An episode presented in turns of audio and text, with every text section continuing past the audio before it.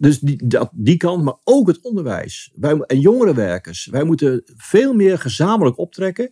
En niet alleen per gemeente, maar ook in, in de regio. En dat hebben we ook gelukkig gedaan als burgemeester de afgelopen jaren. We zijn bij elkaar gaan zitten. En we hebben ook aan de minister gevraagd om een aanpak. Hè? Maar zelf deden we het ook.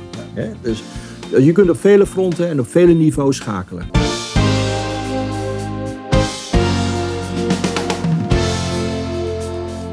Welkom bij het Schaap met de Vijf Poten podcast. In deze podcast ga ik in gesprek met inspirerende personen die als alleskunner een bijdrage leveren aan een leefbare en veilige buurt, wijk, stad. Hierbij kan worden gedacht aan aanpak van jongerenoverlast, aanpak van drugscriminaliteit en handel daarin en problemen achter de voordeur aanpak. Dit doe ik door het delen van tips, handigheidjes, interviews en bespreken van praktijksituaties. Ik ben Gerald Denijn, de host van deze podcast en verbinder in de samenwerking binnen het sociaal domein, leefbaarheids- en veiligheidsdomein. Ik wens je veel luisterplezier.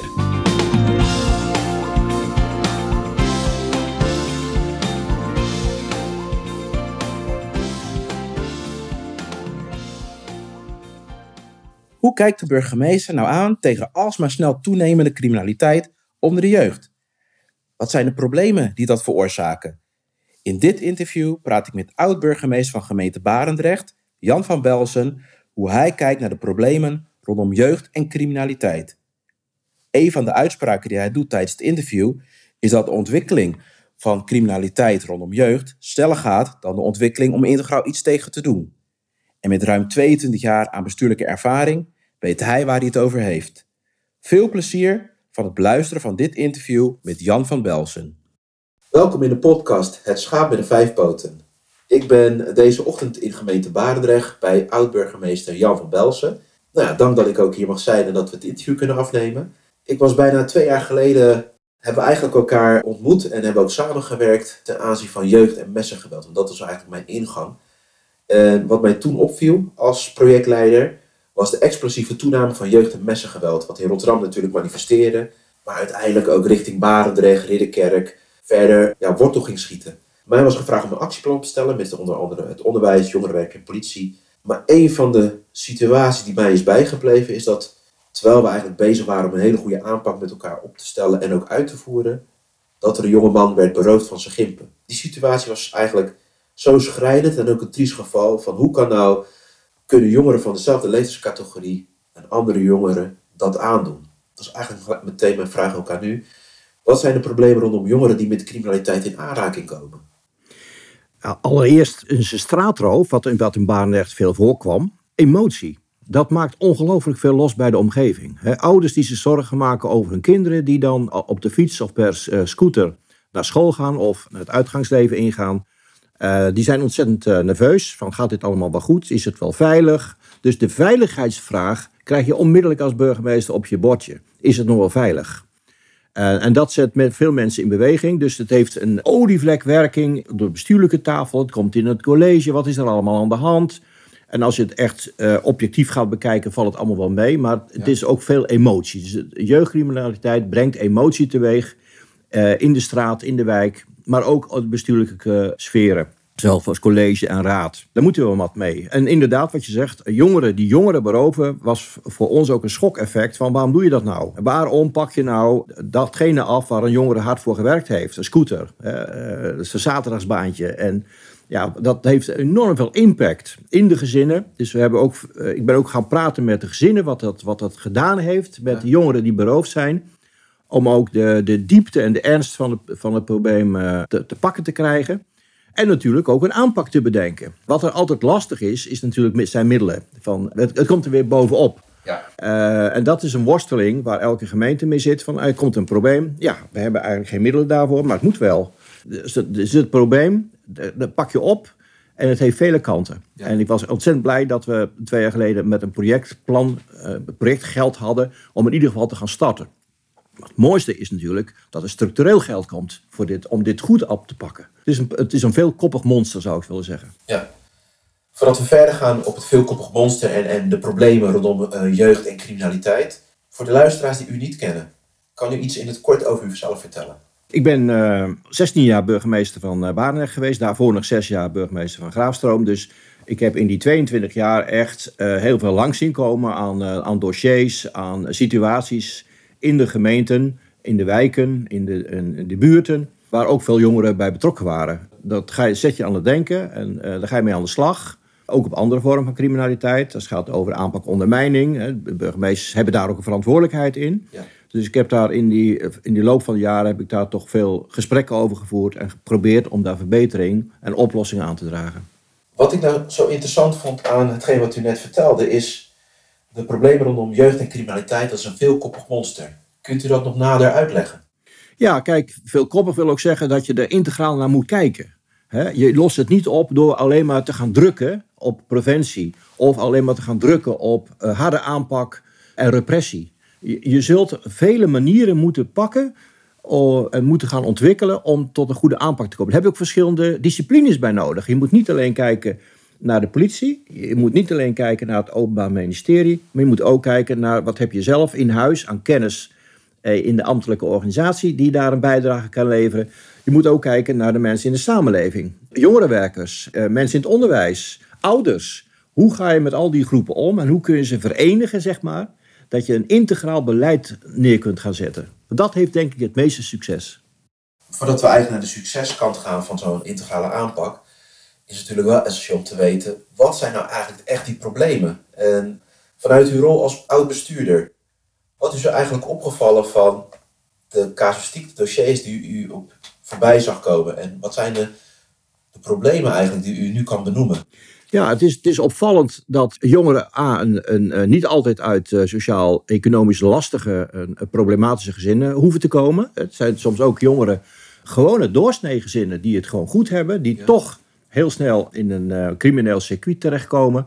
Dat is één. En twee, uh, dat de carrière die ze maken veel sneller gaat dan we voorheen hadden gedacht. En veel jonger. Dus eh, jonge kinderen die al in aanraking komen met criminelen, ingezet worden door criminelen en criminele activiteiten gaan uitvoeren. En dus de carrièrepatroon is heel anders dan tien jaar geleden. Het gaat veel sneller en veel heftiger.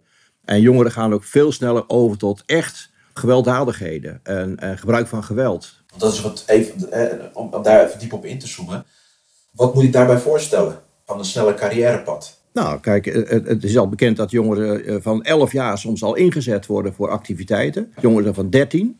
We, zien gewoon dat ook er jonge uithalers zijn als het gaat over eh, het, haven, het havengebied. Die de drugs uit de containers halen. Jonge leeftijd begint men daar al mee. En men denkt snel rijk te kunnen worden. De, de geldezels, die jongeren die gebruikt worden door uh, criminelen te faciliteren.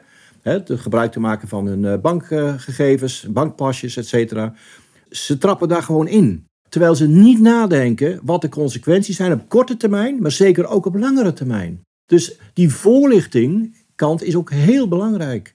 Een voorlichting vanuit welke partij eigenlijk? Nou, ik denk dat, dat en de overheid heeft daar zeker een rol in. De gemeente staat dicht bij, uh, bij, bij de inwoners. Uh, samen met de politie en het Openbaar Ministerie. Gelukkig, en daar ben ik blij mee dat er acties zijn dat mensen hun wapens kunnen inleveren en messen de laatste keer is het echt gericht op messenaanpak. Nou, prima. Dus die, dat, die kant, maar ook het onderwijs. Wij, en jongerenwerkers. Wij moeten veel meer gezamenlijk optrekken. En niet alleen per gemeente, maar ook in, in de regio. En dat hebben we ook gelukkig gedaan als burgemeester de afgelopen jaren. We zijn bij elkaar gaan zitten.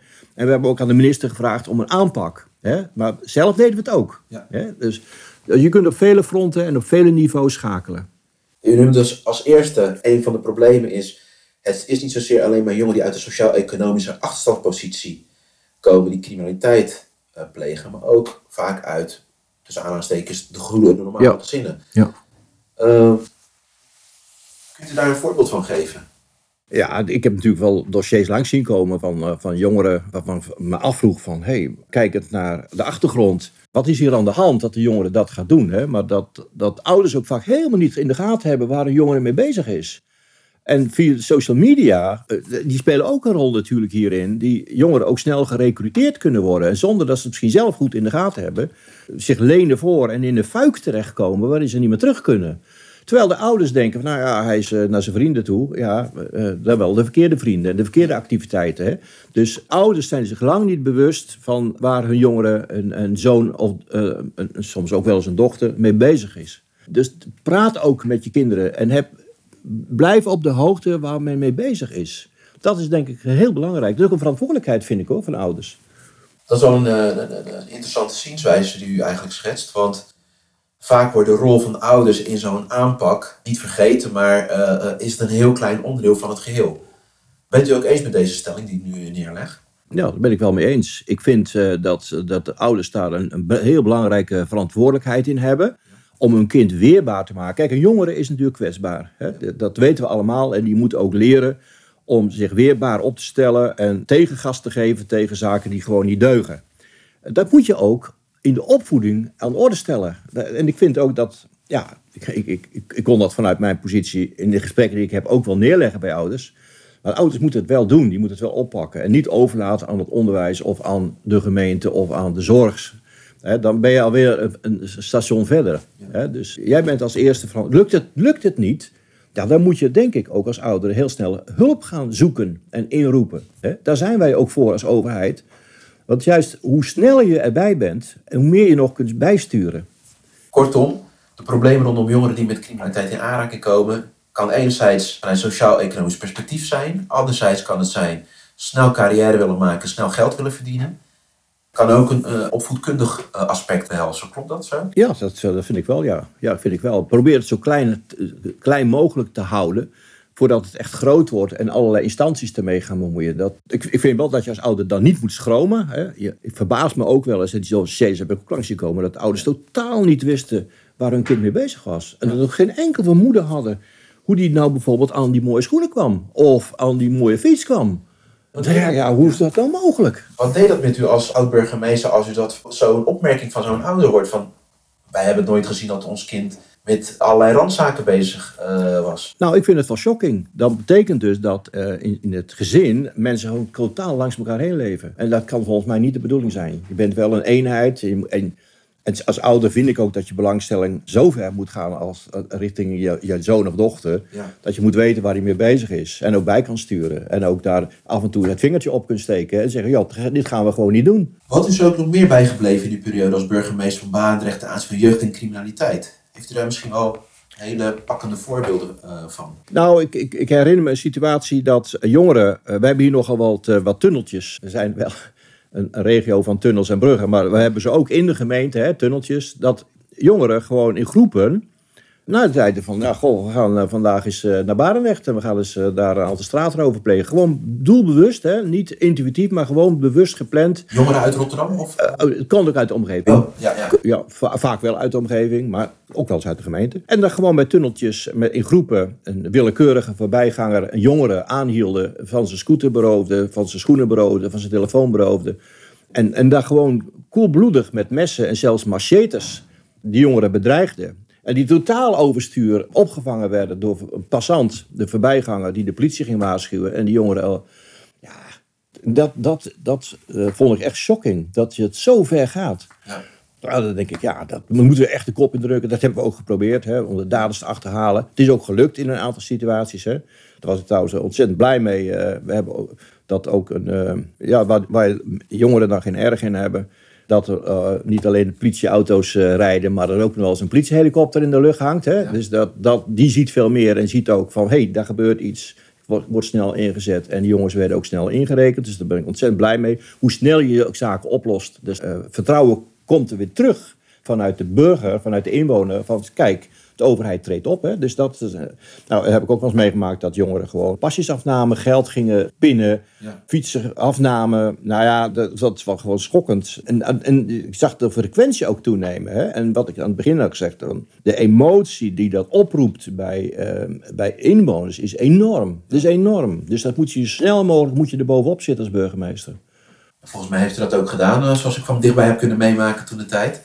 En wat is volgens u vanuit perspectief van, ik noem even de oud-bestuurder, nodig om de jonge aanwas van criminelen aan te pakken? Want u gaf het eigenlijk al net ook aan, ze worden steeds jonger. Ja. Ik ben wel altijd een bestuurder geweest die denkt in convenanten, een gezamenlijke aanpak, waarin je met elkaar optrekt en ook elkaar informeert in de stappen die je zet. Ja. Nou, dat hebben we toen ook gedaan. Hè. We hebben een convenant gesloten, ook met het onderwijs, ook met de zorg, ook met de gemeente, ook met politie en OM Dus al die partners uh, op één lijn krijgen. En dat hebben we ook eigenlijk, uh, zou je dat regionaal moeten gaan doen. Hè? Dus als Rotterdamse regio, want ja, de gemeentegrenzen zijn eigenlijk geen fysieke grenzen. Hè? Dus uh, jongeren weten soms absoluut niet in welke gemeente die nou bezig is. en het trekt ook allemaal door elkaar heen. Dus de beste aanpak is denk ik dat het ook regionaal te gaan doen. Ja. maar ook door te zetten. Niet het tot een project te beperken. Maar je moet het echt tot structureel beleid maken. Wat je echt ook bestuurlijk agendeert in je eigen raad, in je eigen college. Samen met de pers ook een goede campagne opzetten. Nou, er zijn tal van voorbeelden waarop je het best wel aan kunt doen. Ja, daarop aanvullend, wat zou dan de rol zijn die u zeg maar eh, zelf toen de tijd hebt ingenomen? Ik denk als bestuurder en als burgemeester heb je natuurlijk een, een bijzondere positie. Want openbare orde en veiligheid dat hoort bij jou, dat moet je doen. Dat, uh, als het goed is, wil je dat ook doen. En daar ben je actief mee bezig. Dus ik vind ook dat je heel duidelijk stelling moet nemen tegen criminele, criminele uh, activiteiten, on, ontwikkelingen die je ziet in de gemeente. Afstand van moet nemen. En ook heel duidelijk moet sturen van aan de voorkant, preventief. En ook als het nodig is, uh, repressie. Hè. We hebben ook een aantal gebieden aangewezen waar dan ook gedurende een bepaalde periode gefouilleerd mocht worden. Dus, maar je moet op meerdere fronten strijden. Maar je, als burgemeester ben jij het uithangbord van de gemeente en moet je duidelijk stelling nemen dat je dit niet accepteert en dat je er ook van alles aan doet. Ja, want u gaf het voorbeeld aan van uh, een gebied aanwijzen waar preventief gefouilleerd mag worden. Dat is een instrument uit het gereedschapskistje van de burgemeester. Ja, ja. Wat zijn nog meer uh, instrumenten die heel snel ingezet kunnen worden? Je, je hebt natuurlijk de beschikking over een organisatie. Dus en je moet met die organisatie, met die ambtenaren, moet je goed in, in gesprek zijn. En zeggen, joh, we gaan snel interveneren. De politie is natuurlijk een, uh, een organisatie die heel snel uh, van een aanpak wil. Hè? De motorkapoverleg, snel. We zien iets en we gaan erop af. Dus enerzijds is het de korte klap, korte termijn, snel actie. En anderzijds is het ook goed beleid inbedden in de organisatie. Uh, inbedden met de partners waar je mee samenwerkt het Openbaar Ministerie, officier van justitie, politie, zorg. En doe dat nou op uh, wijkniveau en doe dat op gemeentelijk niveau en doe dat ook op regionaal niveau. Dus die verschillende lagen, die kunnen echt helpen om het tot een structureel beleid te maken. En dat is denk ik nodig. En hoe zou het op wijkniveau eruit kunnen zien? Ja, maar ik vind die kleinschaligheid is zo essentieel. Hè? We, we moeten niet meer denken in grote eenheden. We hebben gezien dat dat niet gaat. Je moet de wijken in. En ik denk dat we daar in Nederland en ook in, in de Rotterdamse regio al heel goed mee bezig zijn. Hè? We zitten tot in de haarvaten van de samenleving. Dat moet ook blijven. Dat is heel essentieel. Dus je, je, juist op wijkniveau praat je met comité's, buurtcomité's, met uh, allerlei uh, verbanden die er zijn in zo'n wijk. En daar moet je gebruik van maken. Daar moet je bij aansluiten. Al, allerlei inwonersplatforms. Sluit daarbij aan. En, en, breng ook dit onderwerp daarin. Kijk, vaak zien, en die emotie is er, uh, zien uh, inwoners zeg maar de uitwassen. En willen dat van de burgemeester dat er iets aan gedaan wordt. Dat is ook terecht. Dat is terecht, hè? Ja. Alleen, je moet als burgemeester dan ook zeggen, ja, maar wacht, we gaan niet alleen op de incidenten, maar we gaan er structuur in aanbrengen. We gaan met elkaar, en we hebben jullie nodig als inwoner, we gaan daar een beleid op zetten. En, uh, informatie hebben we nodig, maar jullie kunnen ook zeker jongeren aanspreken. Heel vaak zie ik dat, uh, ook in mijn praktijk heb ik dat gezien, dat ze zeggen, de inwoners die ze kijken van achter een raam en zien de ellende, bellen naar de gemeente, dan zijn zij er van af. Nou, dat vind ik echt wel een beetje te goedkoop. Ik heb altijd gezegd tegen inwoners, dat kan niet waar zijn, want u hebt ook een verantwoordelijkheid. Spreek de jongeren aan. Ga ermee in gesprek. Ja, maar ze zitten altijd op mijn bank. Ga daar dan zelf een keer zitten. Ja. Organiseer er iets. Hè? En zeg, ja, die bank is niet alleen van jullie, het is ook van ons. Ga het gesprek dan aan met elkaar. Dat moeten wij ook leren weer. We moeten opnieuw dat uitvinden. Opnieuw het gesprek met elkaar aan. Zeker. Ik vind dat heel weinig met, elkaar gesproken wordt. Ga maar eens in de trein zitten of in de bus. Er wordt niet meer gesproken. Iedereen kijkt naar zijn schermpje. We moeten weer leren om het gesprek met elkaar aan te gaan. en niet vanuit een positie van ik weet het en ik heb het en je moet naar mij luisteren. Nee, maar probeer in die, op een evenwichtige manier respect voor jongeren. Hè, in dat gesprek. Maar ook jongeren moeten leren ook weer respect voor de andere inwoners te hebben. Ja, dat vind ik heel essentieel. De, uh, want de overheid kan het niet alleen. Hè? Uh, en die hebben elkaar gewoon nodig om, uh, om dat te versterken. Ja. ja. Wat is u als bestuurder eigenlijk bijgebleven in uw periode dat u te maken kreeg met jeugdcriminaliteit? Waar, waar zou u bijvoorbeeld van wakker nog kunnen liggen? Ik zou wel wakker kunnen liggen als de sfeer op straat gespannen zou worden gedurende een bepaalde periode, omdat er altijd groepen jongeren rondtrekken. Als het ware impact gaan hebben op de leef- en woonomgeving. Hè. Dat, dat zie je nog wel eens incidenteel. Hè. Uh, je leest het ook wel eens uh, in winkelcentra, dat jongeren heel vervelend doen. Een, een overlast kan heel snel overslaan tot een ernstige vorm van geweld. Hè. Van, dus het kan, je moet ook niet daar te gering over denken. Dus iets wat je laat lopen, komt sterker terug. Dus de sfeer in de samenleving moet ontspannen blijven, ook op straat. Ook in winkelgebieden, ook op sportvelden. Dus dat niet daar een bepaalde groep nou ja, de macht gaat overnemen. Dat moet je niet willen. De samenleving en de straat is van ons allemaal. Dat geldt ook voor de sportterreinen, dat geldt ook voor cultuur. En we moeten ook met elkaar zo houden. Het moeten plekken zijn waar mensen zich veilig voelen. Ja. Dat zou dus in, in, in, in lijn met de wijkaanpak, om het zo kleinschalig mogelijk te organiseren, zou dat een grote rol kunnen... Zeker. En ik, ik geloof echt in die kleinschaligheid en ik geloof niet in grootschaligheid. We moeten in die haarvaten van de wijken blijven. En dan moeten gemeenten steeds bij stilstaan. Hoe kunnen we dat nou meest, hoe kunnen we dat meest effect? We moeten er ook gewoon gaan zitten. Ja. Hè? Desnoods heb je in een wijk heb je een soort eh, winkel of een filiaal wat, wat, waar mensen in en uit kunnen lopen. Waar je als overheid zit. Nou, Huis van de wijkprincipe. Zo ja, zoiets. Ja. Dus zit dicht daarbij waar ellende is. Uh, loop daar niet van weg. Laat zien dat je daar dan bent. En ga er pontificaal zitten. Ja. En tegen agenten zeggen, ga pontificaal op straat staan. Ga het gesprek aan met jongeren. Zichtbaar zijn. Zichtbaar zijn. Hè? Uh, aanspreekbaar zijn. Herkenbaar zijn. Ja, die samenleving is van ons allemaal. En we moeten echt leren samen te leven. En het moet veilig blijven. En jongeren moeten ook gaan begrijpen... Want als wij uh, ons uh, alleen maar op gewelddadige manier uiten... Dat dat, een, ja, dat dat gewoon niet werkt in de samenleving. Dat kan op korte termijn kun je wel de held voelen, maar uiteindelijk ben je een loser. En dat, dat moeten we ook leren aan jongeren. Want een crimineel is in feite een loser. Ja. U geeft best wel hele mooie voorbeelden aan hoe, het, uh, hoe eigenlijk iedereen een, een steentje kan bijdragen. Van inwoners tot aan het onderwijs en jongerenwerk. Ik ben toch reuze nieuwsgierig, toen u oud, oud burgemeester. Hoe pakt u het aan om, om zichtbaar te zijn in de wijk? Ja, ik, ik was altijd gewend om me te verplaatsen met de fiets. Klinkt heel, heel bazaal, maar het is wel voor mij het was tweezijds. Hè, wederkerigheid, want de inwoner zag mij. En ook jongeren, die uh, groette mij. Of niet. En ik, ik zag gewoon, wat, je ziet gewoon veel meer. En stap eens af. En ga eens op een bankje zitten. Ga eens naast een jongere zitten. Of een groepje jongeren. Stap er eens op af. Ik, ik herinner me een groep jongeren die... Uh, bij een eh, cafetaria heel vervelend deden. En, maar eh, eigenlijk onthutst zijn als je zegt, hé, hey, er komt de burgemeester aan. En, en die gaat gewoon het gesprek met over. Goh, wat doen jullie hier? Waarom staan jullie hier? Waarom sta je hier elke avond? Waarom uh, lok je gewoon vervelende reacties uit?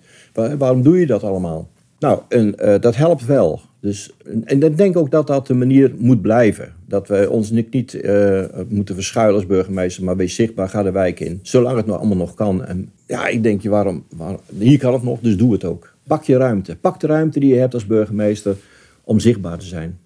Is er nog iets wat u uh, tijdens het interview niet hebt besproken, maar wel heel belangrijk vind dat u nog wil uh, aankaarten? Ik vind het wel verheugend dat je ziet dat men regionaal in, Rotter in de Rotterdamse regio steeds meer gaat nadenken. Wat is de goede, goede effectieve manier en hoe kunnen we het met elkaar doen?